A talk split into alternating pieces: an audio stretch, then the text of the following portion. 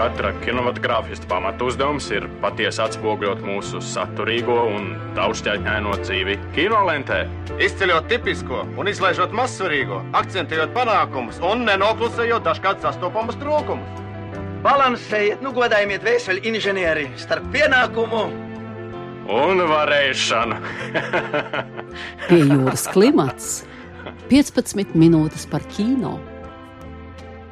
Patricia est avec vous? Yes, she's over there. Merci.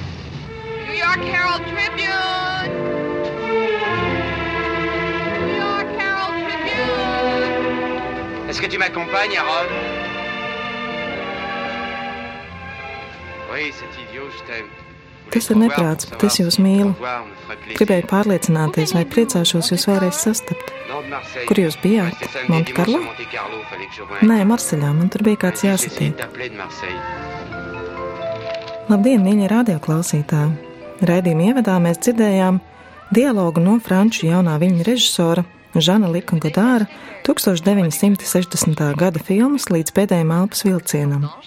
Marseļā satiekas arī divi jaunieši, Leo un Anna, Jāņa Abels filmā Septiņi miljardi gadu pirms pasaules gala, kuras pirmizrāda vēl tikai gaidām Rīgas starptautiskā kinofestivāla konkursa skatē 25. oktobrī. Šis ir pavisam rets gadījums latviešu kino, filma par mīlestību un jaunības alkām, kuras galvenie iedvesmas avoti ir franču jaunais vilnis un poļu režisora Kšištofa Keslovska filmas. Kamēr pats filmas režisors joprojām kavējas Francijā, uz sarunu radio studijā aicinājām galveno lomu atveidotājus Mihailu Čehovu, Rīgas Krievu teātra aktrisi Janu Herbstu un Latvijas Nacionālā teātra aktieri Raimonu Celmu.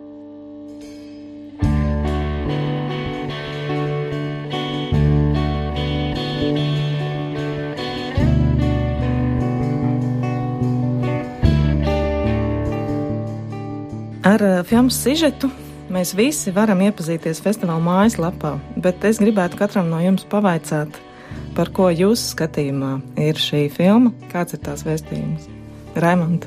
Nu, redz, filma ir Jāņa Ābeles paša autora darbs. Es domāju, ka viņš diezgan daudz tur ir ielicis pats personīgi no savas dzīves, un tas ir tāds jauna cilvēka skatījums uz esošo viņa paša dzīvi, uz to, kur viņš atrodas un kā viņš vēlas savu dzīvi redzēt. Šī galvenā varoņa dzīve tāda dramatiski mainās, ja tas stāsts ir par visiem visinteresantāko tēmu dzīvē, kas ir mīlestība, tad tur jau, nu, kā mēs paši ļoti labi zinām, ka tur tā mierīgi nekas tā īsti nevar notikt. Un te redz, interesanti tas, ka iekšējās pasaules notikumi tur, manuprāt, diezgan saudabīgi ārēji parādās, ka viņi varbūt nav tur tādā ekspresivitātē, tādā ārējā plašumā, bet tieši režisora vēlme bija šo iekšējo pasauli eh, rādīt ar tādiem jūtīgiem mākslinieckās izteiksmes līdzekļiem, ko viņš aizguvis un iedvesmojies no franču jaunā viļņa filmu metodēm un eh, tās filozofijas, kur eh, man atkal, protams, arī personīgi pašam bija ļoti interesanti strādāt. Jāna, par ko jums bija šī filma? Filma viennozīmīgi ir par mīlestību starp diviem jauniem cilvēkiem. Tajā brīdī bija ļoti interesanti tieši strādāt pie šī projekta, jo uz to brīdi īsti nebija latviešu kinematogrāfijā pēdējo desmit vai pat vairāk gadu laikā tādas filmas par divu jaunu cilvēku attiecībām. Tur ir ļoti tālu no miera un reizēm pat tālu no kaut kā skaista. Bet tas ir viss skaisti.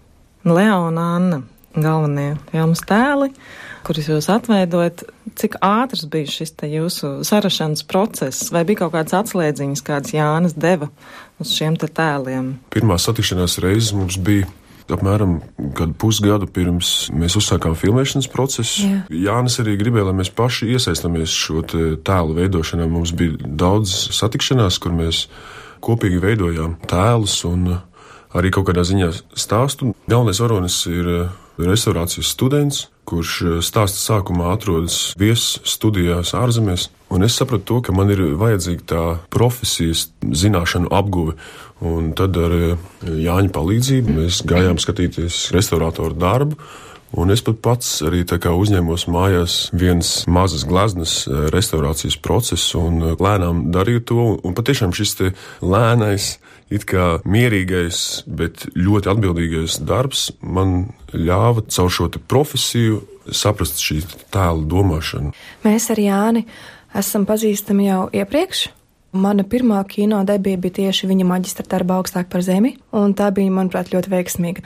Radoša tikšanās un pirmā profesionālā iemīlēšanās režisorā. Tā bija ļoti laba simbioze, un viņš ir tas režisors, kurš dod lielu brīvību aktieriem, kas ir ļoti svarīgi. Tāpēc mēs pirms filmēšanas perioda diezgan daudz tikāmies Un vairāk pat runājām un spriedām, viņam ļoti interesē arī mūsu viedoklis un kas mums liekas organiski. Tiklīdz kā viņš jūt kaut kādu samākslotību spēlē vai tekstā, viņam tur ļoti grūti pirmkārt pārdzīvot, tāpēc viņš ļoti, ļoti vēlas, lai mēs paši slēdzamies klāt un slēdzam tās savas dvēseles un savus prātus iekšā tajā visā. Principā filma, viņa, kā Raimons teica, viņa ir tāda taktilām, varbūt pat lietām, tādām sajūta lietām. Ingmars Bergmans savos filmēšanas laukumos pat reizēm atskaņoja popmūziku, stāstīja jokus, lai tikai aktieriem būtu ļoti labs eh, noskaņojums un viņi būtu gatavi darbam. Tad, nu, kāda ir šī noskaņa Jāņā Belis filmēšanas laukumā? Viņš mums ļoti daudz tevi skatīties, kā reiz jaunā franču kino filmas. Viņš gribēja, lai mēs noķeram to sajūtu un viņš ir ļoti liels improvizācijas mīlētājs. Bet uh, tie projekti, kuros es strādāju ar viņu, viņš ļoti, ļoti cienīja kaut kādus neplānotus, bet patiesus izgājienus. Un tāpēc saku, tā ir tā brīvība, ko viņš dod. Man ļoti patīk, kad man dod brīvību, un tāpēc es personīgi jutos ļoti labi. Tas skaistākais, man liekas, nu, kas man saistās ar šo filmu, un pie tam es varu arī nu, salīdzināt ar to, kur man bija pirmā pieredze pie Jāņa Norda. Uh, Tas bija nu, liels projekts ar eh, pietiekami nozīmīgu finansiālu kapitālu, lieliem eh, māksliniekiem, eh, pieredzējušiem profesionāļiem, tad salīdzinot tieši šeit, atkal bija tā, ka šis bija tāds neprātīgs, jauneklīgs deksmes projekts, kur mēs jauni cilvēki satikušies, vēlamies izstāstīt kaut kādu daļu no savas tās jaunības sajūtas, kas mūsos mīt, un uh, ņemot šos apstākļus, ka mums ir tāds super mikro budžets un ir lielas ambīcijas un lielas vēlmes, kā tas kopumā beigās varētu izskatīties, tad, protams, ka mēs pēc iespējas visu savu labāko gribu ieguldījām savā darbā. Es kopumā esmu ļoti priecīgs par šo darbu. Jā, es domāju, ka vienojušais elements viennozīmīgi ir tā vienotā ideja un tas entuziasms. Protams, daļai dēļ tā, ka tas ir mikro budžets, un mēs bijām diezgan maza komanda kas regulāri tiekas katru reizi. Un tā ir tā ģimenes sajūta, ka mēs visi strādājam par to vienu ideju, lai tikai sanāktu, jo mēs gribam, lai tas sanāktu. Paldies par sarunu! Tiekamies jau pavisam drīz, 25. oktobrī, filmas pirmizrādē. Pie mums šodien pie jūras klimatā viesojās Jāna Herbsta un Rēmons de